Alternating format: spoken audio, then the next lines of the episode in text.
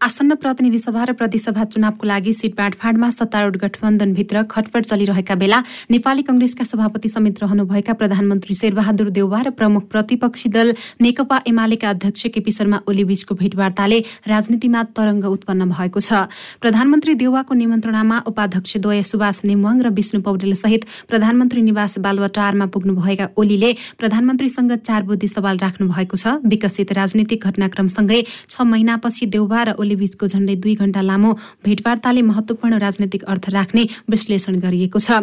सरकारले चुनावको मिति घोषणा गर्ने बेला परामर्श नलिएको गुनासो गर्दै आएको विपक्षी दल एमालेसँग चुनावको मिति नजिकै जाँदा प्रधानमन्त्री देउवाले गरेको संवाद राजनैतिक रूपले अर्थपूर्ण देखिन्छ। देउवा र ओलीबीच राजनैतिक घटनाक्रमका विषयमा पनि छलफल हुने हुनाले राजनीतिमा बहुआयामिक अर्थ दिएको छ। नेकपा एमालेको पोलिट ब्युरो बैठकले केन्द्रीय कमिटिको बैठकको एजेन्डा तय गरेको छ। पार्टी कार्यालय च्यासलमा आज बसेको बैठकले आगामी निर्वाचनको तयारी निर्वाचनमा उम्मेद्वारको छनौट सम्बन्धी मापदण्ड वर्तमान अवस्था समितिको अध्यक्ष केपी ओलीको राजनैतिक प्रतिवेदन पेश गर्ने लगायतका केन्द्रीय कमिटिका एजेन्डा तय गरिएको एमाले प्रचार विभाग प्रमुख पृथ्वी सुब्बा गुरुङले जानकारी दिनुभयो। त्यस्तै संगठित सदस्यहरूको व्यवस्थापन परिषद तथा आयोगको प्रतिवेदन पेश गर्ने लगायतका एजेन्डा समेत तय भएको उहाँले बताउनुभयो। भयो। बैठकमा अध्यक्ष ओलीले आफ्नो राजनीतिक प्रतिवेदनबारे जानकारी गराउनु भएको थियो भने पन्ध्रजना पोलिट ब्युरो सदस्यहरूले प्रतिवेदनमाथि धारणा राखेको गुरुङले बताउनुभयो। गुरुङले पार्टीको नीति सिद्धान्त र कार्यक्रममा प्रतिबद्धता रहेको कुनै पनि व्यक्तिले पार्टीको आन्दोलनमा योगदान दिएको लोकप्रिय र विजय सुनिश्चितता तथा संविधानमा व्यवस्था भएको समानुपाती सहभागितालाई आधार बनाएर उम्मेद्वारको मापदण्ड तय गरिने पनि जानकारी दिनुभयो। केन्द्रीय कमिटीको बैठकको एजेन्डा चाहिँ आज चाहिँ तयार गरेका छ। अहिलेको राष्ट्रिय अन्तर्राष्ट्रिय परिस्थिति अहिलेको सत्ता गठबन्धनको गलत क्रियाकलाप गतिविधि त्यसका निर्णयहरू त्यसले नेपालको राष्ट्रिय स्वाधीनताको मुद्दामा पारेको असर लोकतन्त्रलाई कमजोर बनाएको भ्रष्टाचार मोलाउँदै गएको मुद्रास्फीति र मूल्य वृद्धि हुँदै गएको स्थिति र यो सबै परिस्थितिको बारेमा पनि हाम्रो पार्टी अध्यक्षले भोलि प्रस्तुत हुने राजनीतिक प्रतिवेदनको सारांश बताउने क्रममा त्यो कुरा बताउनु भएको छ। र आगामी चुनावको तयारीको हामी कसरी गर्छौँ? साथै विगतको स्थानीय तहको निर्वाचनको समीक्षाका बारेमा पनि उहाँले चर्चा गर्नुभएको छ। मापदण्डलाई अन्तिम रूप केन्द्रीय कमिटीले दिने उहाँले बताउनुभयो एमालेको केन्द्रीय कमिटी बैठक शुक्रबार र शनिबार बस्ने तय भएको छ। राष्ट्रपति विद्यादेवी भण्डारीले सैनिक अधिकारीहरूसँग गरेको परामर्शलाई सत्ता गठबन्धनले अस्वाभाविक भनेको छ। आज बालुवाटारमा बसेको गठबन्धनको बैठकमा राष्ट्रपति भण्डारीका पछिल्ला गतिविधिबारे समीक्षा भएको थियो। त्यस बैठकमा प्रधानमन्त्री शेरबहादुर देउवाले राष्ट्रपति भण्डारीको गतिविधिबारे चासो व्यक्त गर्नुभएको थियो। यसै गरी माओवादी केन्द्रका अध्यक्ष पुष्पकमल दाहाल प्रचण्डले राष्ट्रपतिको कदम अस्वाभाविक नभएको बताउनु भएको थियो। बैठकमा प्रधानमन्त्री देउवाले नागरिकता विधेयक फिर्ता गरेपछि राष्ट्रपतिले निरन्तर गरिरहेको भएको परामर्शबारे सत्ता गठबन्धनका अन्य नेताहरूको धारणा बुझ्नु भएको थियो। राष्ट्रपति भण्डारीले बुधबार सेनाका बहालवाला र अवकाश प्राप्त अधिकारीहरूसँग छलफल गर्नुभएको थियो। यसै गरी जनता समाजवादी पार्टीका अध्यक्ष उपेन्द्र यादवले राष्ट्रपतिको कदमलाई असंवैधानिक भन्नुभएको थियो। बैठकमा एकीकृत समाजवादीले सेनासँगको परामर्शलाई स्वाभाविक मान्न नसकिने धारणा राख्नु भएको छ। राष्ट्रपति भण्डारीले प्रतिनिधि सभाले प्रमाणीकरणको लागि पठाएको नागरिकता विधेयक फिर्ता गर्नुभएको थियो। उहाँले फिर्ता गरेपछि गरेपछि सरकारले जस्ताको त्यस्तै विधेयक पठाइने निर्णय गरेको थियो। यसैबीच नेकपा एकीकृत समाजवादीका अध्यक्ष माधव कुमार नेपालले राष्ट्रपति विद्यादेवी भण्डारीको पछिल्लो गतिविधिले आशंका पैदा भएको बताउनु भएको छ। समाजवादी पार्टी पुनर्गठन दिवसका अवसरमा आज काठमाडौँमा आयोजित कार्यक्रममा नेपालले राष्ट्रपति भण्डारीको पछिल्लो गतिविधिका बारेमा गठबन्धन बैठकमा पनि छलफल भएको र कतै अनिष्ट त हुन्न लागेको होइन भन्ने प्रश्न उठेको बताउनुभयो। राष्ट्रपतिले पूर्व आर्मी चिफ बोलाएर भोजन दिने कामले शङ्का जन्माएको उहाँको भनाइ छ। उहाँले अहिले दरबारवाला राजावादी शक्ति कति क्रियाशील छन् भन्नेमा हेरिरहेको पनि जिकिर गर्नुभयो। त्यस्तै अध्यक्ष नेपालले गठबन्धन बैठकमा यसअघिको स्थानीय चुनावमा आफ्नो पार्टीको मतलाई अब मूल्यायन गर्न खोजिएको र आफूहरूको ध्यान आकर्षण गराएको जानकारी दिनुभयो।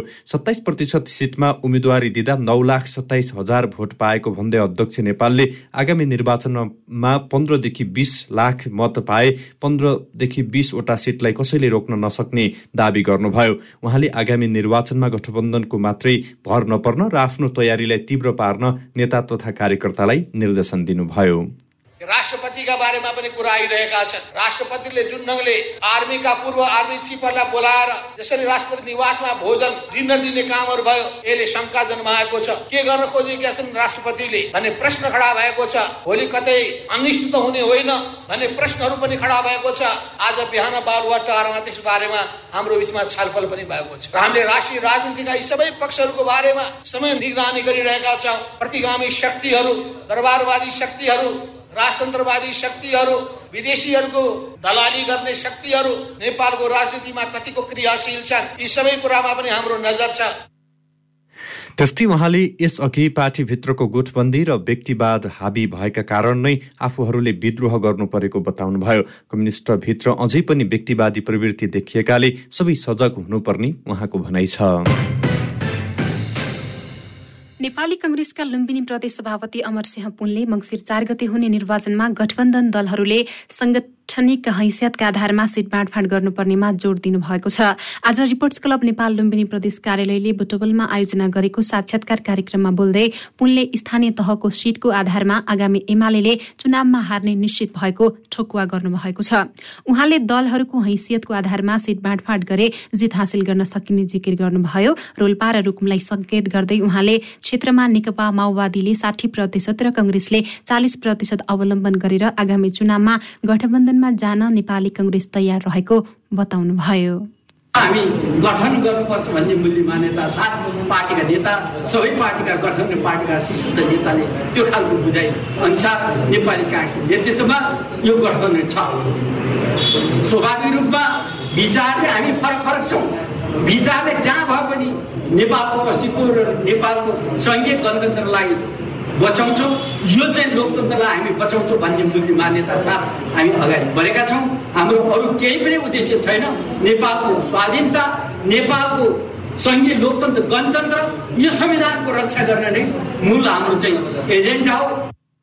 यस्तै नेकपा एमाले लुम्बिनी प्रदेशका उपाध्यक्ष एवं प्रदेश सांसद भोजप्रसाद श्रेष्ठले पाँच दलीय गठबन्धनको कुनै औचित्य नरहेको बताउँदै पाँच दलीय गठबन्धनले संविधानलाई कमजोर बनाएर देशलाई डुबाउने काम गरेको जानकारी दिनुभयो। उहाँले नागरिकता ऐन एमसिसी एसपिपी जस्ता कुरालाई गठबन्धनले बढावा दिएर देशका लागि अहितपूर्ण काम गरेको आरोप लगाउनुभयो। सुशासनलाई कमजोर बनाउने संविधानमाथि खेलवाड गर्ने संविधान संविधानमाथि प्रहार गर्ने जुन खालको परिवेश देखिन्छ यो परिवेश गठबन्धन संस्कृतिले यो देश डुबाउने बाहेक केही गर्दैन। नेताहरूले अन्तर्राष्ट्रिय सन्धिहरू राष्ट्रिय सन्धिहरूमाथि गरेको अन्तर्घात जनताप्रतिको गद्दारी चाहे एमसिसी भन्नुहोस् चाहे एसपिपी भन्नुहोस् चाहे नागरिकता ऐन भन्नुहोस् धरती पुत्र पुत्रमाथि आफ्नो स्वाधीनतामाथि आफ्नो माटोप्रति गद्दारी गर्ने शक्ति आज गठबन्धनभित्र कायमसँग त्यो काम किन आवश्यक भयो? यस्तै नेकपा माओवादी केन्द्रका केन्द्रीय सदस्य तथा लुम्बिनी प्रदेश संसदीय दलका प्रमुख सचेतक तुलाराम घरतीले नेपाली राजनीतिमा विश्वासको संकट परेको बताउनु भएको छ। उहाँले अघिल्लो स्थानीय तहको चुनावलाई हेर्दा पार्टीभित्र र गठबन्धनमा विश्वासघात भएको भन्दै सजग रहनुपर्ने धारणा राख्नुभयो। गठबन्धन कहीँ शक्तिलाई हराउनको निम्ति अर्को शक्तिसँग मिलेर चाहिँ जाने। माओवादीले काङ्ग्रेसको गठबन्धन हुने माओवादीलाई सत्यानाश हराउनको निमित्त अर्को शक्तिसँग मिलेर जाने। यो इमान्दारता हुन्छ। यस्तो खालको राजनीति इमान्दारताले गठबन्धनमा विश्वास पैदा गर्छ। त्यसकारण दलभित्रको विश्वासलाई बढाउनुपर्छ। गठबन्धन भित्रको विश्वासलाई बढाउनुपर्छ। अनि मात्र निर्वाचनमा चाहिँ अहिले जाने वातावरण बढाउनुपर्छ साक्षात्कारमा नेकपा एकीकृत समाजवादीका लुम्बिनी प्रदेश सचिव राजु गुरुङले एउटै दलका नेताले चुनाव जित्दा अहंकार बढ्दै गएको बताउँदै आगामी चुनावमा युवा पुस्तालाई जिताउनु पर्नेमा जोड़ दिनुभयो। पूर्व प्रधानमन्त्री डाक्टर बाबुराम भट्टराईले संविधान विपरीत राष्ट्रपति विद्यादेवी भण्डारीले नेपाली सेनाका पूर्व जर्नेलहरूसँग परामर्श गरेको बताउनु भएको छ। आफू कहाँ प्रमाणीकरणका लागि आएको नेपाल नागरिकता पहिलो संशोधन विधेयक दुई हजार उनासीलाई संसदमा फिर्ता पठाएको र संसदबाट फेरि पास भएर जस्ताको त्यस्तै आउने भएपछि राष्ट्रपति भण्डारीले परामर्श र छलफललाई तीव्रता दिनुभएको छ। सोही क्रममा हिजो उहाँले नेपाली सेनाका पूर्व जर्नेलहरूसँग छलफल गर्नुभएको थियो तर उहाँको सो छलफल संविधान संविधान विपरीत रहेको डाक्टर भट्टराईको दावी छ। नेपालको संविधानले राष्ट्रपतिलाई कही कतै सो विवेकीय अधिकार नदिएको भन्दै उहाँले नागरिकता विधेयकलाई जोडेर राष्ट्रपतिले सैनिक पूर्व सैनिक अधिकारीहरूसँग परामर्श गरेको खबर साँचो हो भने त्यो नेपालको संविधान अनुकूल नहुने बताउनुभयो। चुनावको मुखमा राष्ट्रपतिले अमुक दल र नेतालाई सघाउन खोज्न नहुने पूर्व प्रधानमन्त्री डाक्टर बाबुराम भट्टराईको भनाइ छ। नेकपा माओवादी केन्द्रले केन्द्रीय सदस्यहरूले सम्पत्ति विवरण माग गरेको छ। पार्टी केन्द्रीय कार्यालयले सदस्यहरूलाई पत्राचार नै गरेर एक साताभित्र सम्पत्ति विवरण पठाउन सुसूचित गरेको हो। केन्द्रले राजनैतिक दल सम्बन्धी ऐन दुई हजार त्रिहत्तरको दफा त्रिपन्नको प्रयोजनको लागि पार्टी केन्द्रीय सदस्यहरूले आफ्नो चल अचल सम्पत्तिको विवरण पार्टी केन्द्रीय कार्यालयमा खामबन्दी गरी हप्ता दिनभित्र पठाइदिन निर्देशन दिएको हो। सम्पत्ति विवरणमा केन्द्रीय सदस्यको सम्पूर्ण विवरणसहित घर तथा जग्गा धनीको नाम किता नम्बर वर्गमिटर प्राप्तिको स्रोत खरिद गरेको भए खरिद मूल्य खुलाउन भनिएको छ। त्यसै गरी नगद सुन चाँदी हिरा जवाहरातको परिणाम प्राप्त मिति र स्रोत पनि खुलाउन भनिएको छ। माओवादीको हालै सम्पन्न स्थायी समिति बैठकले नेताहरूको सम्पत्ति विवरण माग गर्ने निर्णय गरेको थियो। काठमाडौँ महानगरपालिकाले नयाँ बानेश्वरमा रहेको अल्फाबेट कम्प्लेक्सको अवैध संरचनामा डोजर चलाएको छ। आज दिउँसो महानगरको दल बलसहित अल्फा बिटा कम्प्लेक्स पुगेर अवैध संरचनामा डोजर चलाइएको हो। यसअघि आज बिहान अवैध संरचना हटाउन पुग्नुभएका मेयर र कम्प्लेक्सका निर्देशक राज शर्मा बीच चर्काचर्की भएको थियो। अल्फा बिटाले सडक पेटिमी पार्किङ गराइरहेको र नक्सामा उल्लेख भयो भन्दा बाहेकको संरचना बनाएको भन्दै मेयर बालेन्द्र शाहले तत्काल भत्काउन निर्देशन दिनुभएको थियो। आफूले नक्सा पास अनुसार नै संरचना बनाएको निर्देशक शर्माले जवाफ दिएपछि मेयर शाहले नक्सा माग्दा चर्काचर्की परेको थियो। अहिले महानगरले अवैध संरचना र पार्किङको नक्सा पास गरेर अरू नै प्रयोजनमा लगाउने माथि कार्यवाही थालेको छ। यसअघि सुन्धारा र न्युरोड क्षेत्रमा बनाइएका अवैध संरचनाहरू भत्काइएको थियो। यसैबीच काठमाडौँको किर्तिपुर नगरपालिकाले पनि अवैध रूपमा बनाएका संरचना डोजर चलाएर भत्काएको छ। आज नगरपालिकाको वडा नम्बर दस नयाँ बजारमा रहेको नगरपालिकाको नयाँ कार्यालय भवन नजिकैको एक घरको कम्पाउन्डमा बनाएको अवैध संरचना भत्काइएको मेयर राजकुमार नकर्मीले जानकारी दिनुभयो। नगरपालिकाले जयबहादुर महर्जनको घर जग्गामा बनाएको संरचना भत्काएको हो। नक्सा पास नभएको ठाउँमा संरचना बनाएको अग्लो पर्खाल बनाएको र त्यहाँ टहरा बनाएको भन्दै नगरपालिकाले डोजर चलाएको हो। तीन दिने सूचना निकालेर अवैध संरचना हटाउन भनिए पनि सूचनाको अटेरी गरेपछि भत्काइएको नगरपालिकाले जनाएको छ। काठमाडौँ महानगरपालिकाले पनि विभिन्न ठाउँमा बनाएका अवैध संरचना भत्काउन थालेको छ। पछिल्लो चौबिस घण्टामा कोरोना भाइरसको संक्रमणका कारण तीनजनाको मृत्यु भएको छ। थप तीनजनाको ज्यान गएसँगै नेपालमा अहिलेसम्म कोरोना संक्रमणका कारण मृत्यु हुनेको संख्या एघार हजार नौ सय अन्ठानब्बे पुगेको स्वास्थ्य तथा जनसंख्या मन्त्रालयले जनाएको छ। यसै गरी गत चौबिस घण्टामा चार सय चौवालिस जनामा कोरोना संक्रमण पुष्टि भएको छ। पिसिआर र एन्टिजेन गरी चार हजार नौ सय चौपन्न जनाको नमुना परीक्षण गर्दा चार सय चौवालिस जनामा कोरोना संक्रमण पुष्टि भएको हो। यो अवधिमा तीन सय सात जना संक्रमित निको भएका छन्। अहिले नेपालमा कोरोना भाइरसका सक्रिय संक्रमितको संख्या चार हजार एक सय उनान्सय रहेको छ। यसैबीच थप पाँच हजार पाँच सय सन्तानब्बे जनाले कोरोना विरुद्धको खोप लगाएका स्वास्थ्य मन्त्रालयले जनाएको छ।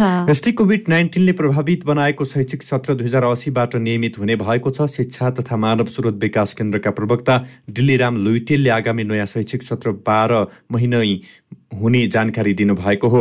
उहाँका अनुसार चालु शैक्षिक सत्र चैत्रमा सकिनेछ। दुई हजार असी सालबाट भने वैशाखबाट शैक्षिक सत्र सुरु हुने गरी चैत्र मसान्तसम्म कायम हुने भएको छ। बैतडीमा शिक्षकले एक छात्रामाथि बलात्कार गरेको आरोप लागेको छ। जिल्लाको मेलौली नगरपालिका स्थित वडा नम्बर तीनको लेखमा आज बिहान शिक्षकले छात्रामाथि बलात्कार गरेको आरोप लागेको हो। मेलौलीको कृतिपुर माध्यमिक विद्यालयमा कार्यरत शिक्षक किशोर जोशीले छात्रामाथि बलात्कार गरेको जानकारी आएको र प्रहरी टोली त्यहाँतर्फ गएको इलाका प्रहरी कार्यालय मेलौलीले जनाएको छ। प्रहरीका अनुसार घटनाबारे बुझ्ने काम भइरहेको छ। त्यसै गरी घटनाबारे थप विवरण खुल्न बाँकी रहेको छ।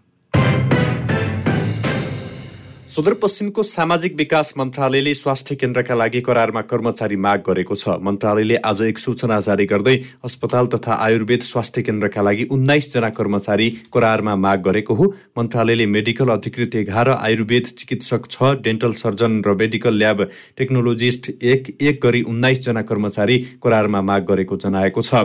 मन्त्रालयले महाकाली अस्पतालका लागि चार टिकापुर अस्पतालका लागि तीन बाजुरा बैतडी डोटी र अछामका लागि एक एक गरी एघारजना मेडिकल मेडिकल अधिकृत पनि माग गरेको हो। जिल्ला आयुर्वेद स्वास्थ्य केन्द्र डोटी डडेलधुरा अछाम बैतडी बाजुरा र दार्चुलाका लागि आयुर्वेद चिकित्सक छजना माग गरिएको छ।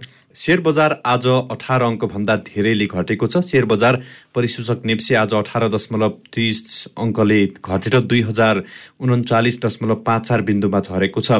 आज सबै समूहको सेयर घटेर बजार रातामे भएकोमा जलविद्युत विकास बैङ्क उत्पादन र बिमा समूहको सेयर उच्च अङ्कले घटेको छ। नेप्से सूचक दोहोरो अङ्कले घटेको दिन दुई सय उन्नाइसवटा कम्पनीको बयालिस लाख चौतिस हजार किता सेयर एक अर्ब एकहत्तर करोड चौरात्तर लाख रुपियाँमा कारोबार भएको छ।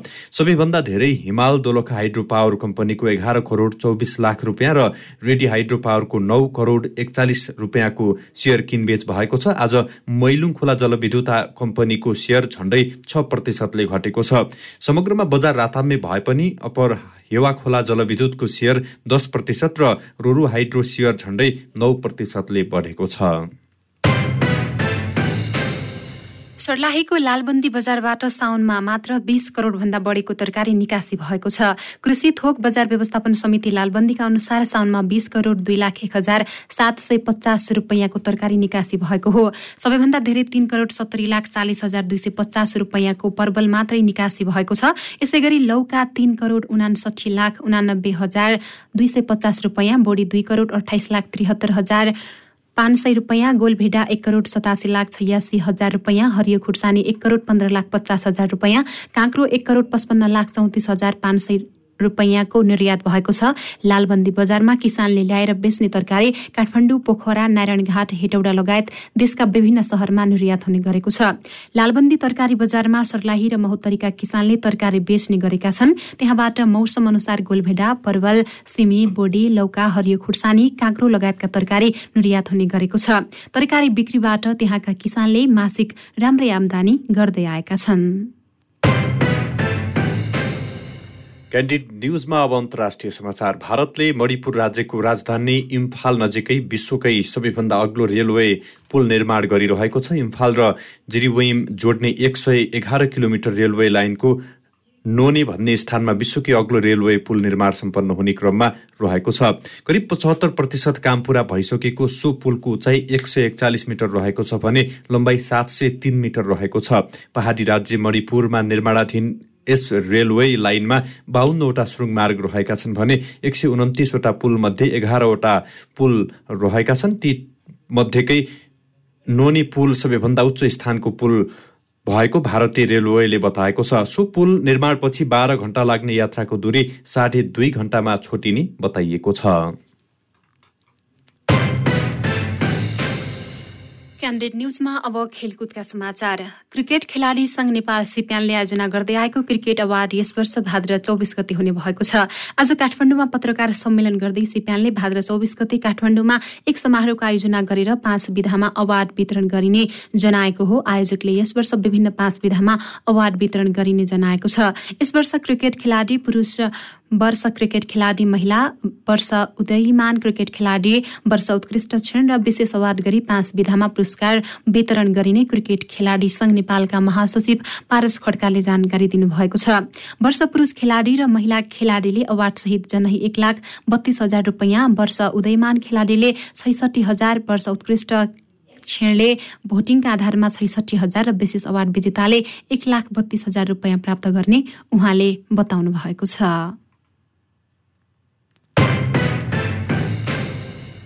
केन्या भ्रमण अन्तर्गतको टी ट्वेन्टी सिरिजमा नेपालले सुखद सुरुवात गरेको छ।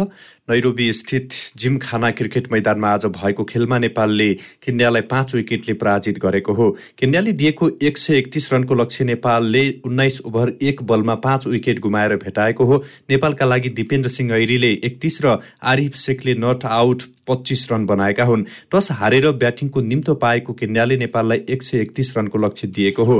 केन्याले बिस ओभरमा आठ विकेटको क्षतिमा एक सय तिस रन जोड्दै नेपाललाई एक सय एकतिस रनको लक्ष्य दिएको हो। केन्याका लागि इफ्रान कनिपले सर्वाधिक चौतिस रनको योगदान गरे। लुकास ओचले तिस रन जोड्दा नेल्सन ओडिम्बेले उन्नाइस र सचिन बुढाईले सत्र रन जोडेका हुन्। बलिङतर्फ नेपालका लागि सोमपाल कामीले सर्वाधिक तीन विकेट लिएका हुन्। कप्तान सन्दीप लामिछानेले दुई विकेट हात पारे। अदिल अन्सारी र दिपेन्द्र सिंह ऐरीले एक एक विकेट लिए भने पाँच खेलको टी ट्वेन्टी सिरिजको दोस्रो खेल भदौ दस गति हुने भएको छ।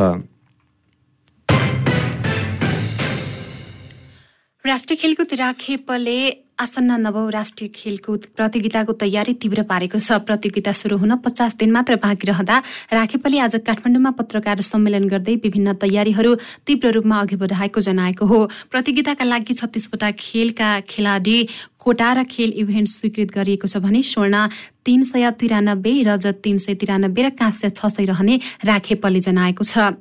यसै गरी प्रतियोगिताका लागि साठी करोडको बजेट सुनिश्चित भएको र पहिलो किस्ता बापत दस करोड निकासा भइसकेको राखेप सदस्य सचिव टङ्कलाल घिसिङले बताउनु भएको छ। उहाँले उपसचिवको कार्यविधि तथा कार्यतालिका बनाई काम प्रारम्भ गरिएको जानकारी दिनुभयो। खेल सामग्री लगायत खरिदका लागि लागत अनुमान कमिटी गठन भई कार्य सुरु भएको प्रचार प्रसारको काम सुरु भएको उहाँले बताउनु भएको छ। खेल सामग्री खेल पोसाक किड्स ब्याग खरिदका लागि अनलाइन टेन्डर सूचना गरिसकिएको राष्ट्रिय ट्रफी विजेता ट्रफी र मेडलको नमुना संकलन कार्य भई खरिद प्रक्रिया अगाडि बढिसकेको र उद्घाटन तथा समापन समारोहको लागि उपसमितिबाट खरिद प्रक्रिया सुरु भएको घिसिङले बताउनु भएको छ। आयोजनाको कुरालाई हेर्दाखेरि अघि नै कुशराजीले राख्नु भएको जस्तो सबै चौधवटै समितिहरूले पूर्णता पाएर अगाडि बढिराखेको छ। कतिपय समितिका सदस्यहरूको सन्दर्भमा हामीले विस्तार गर्न बाँकी छ र मूलभूत रूपमा समितिहरूले आफ्नो कामका निमित्त एउटा गति लिने गरी स्वरूप प्राप्त भइसकेको छ। ती समितिहरूले आफ्नो कार्यविधि आफ्ना बजेटहरू जो आर्थिक नम्स थियो त्यो नम्समा बसेर उहाँहरूले आफ्नो होमवर्क गर्दै त्यसका लागि उहाँहरूले तय गरेका बजेटहरू अनुमोदन समेत गर्दै खरिद प्रक्रियामा समेत अगाडि बढेको कुरा यहाँहरूलाई जानकारी गराउन चाहन्छु खेलाडी तथा अफिसियलको बसोबासको लागि पोखरामा होटेलको संख्या यकिन गरी व्यवस्थापनको काम भइरहेको प्रतियोगिता अवधिमा आवश्यक पर्ने सवारी साधनको संख्या यकिन दर रेट निर्धारण गरी बोलपत्र आह्वान भएको राखेपले जनाएको छ।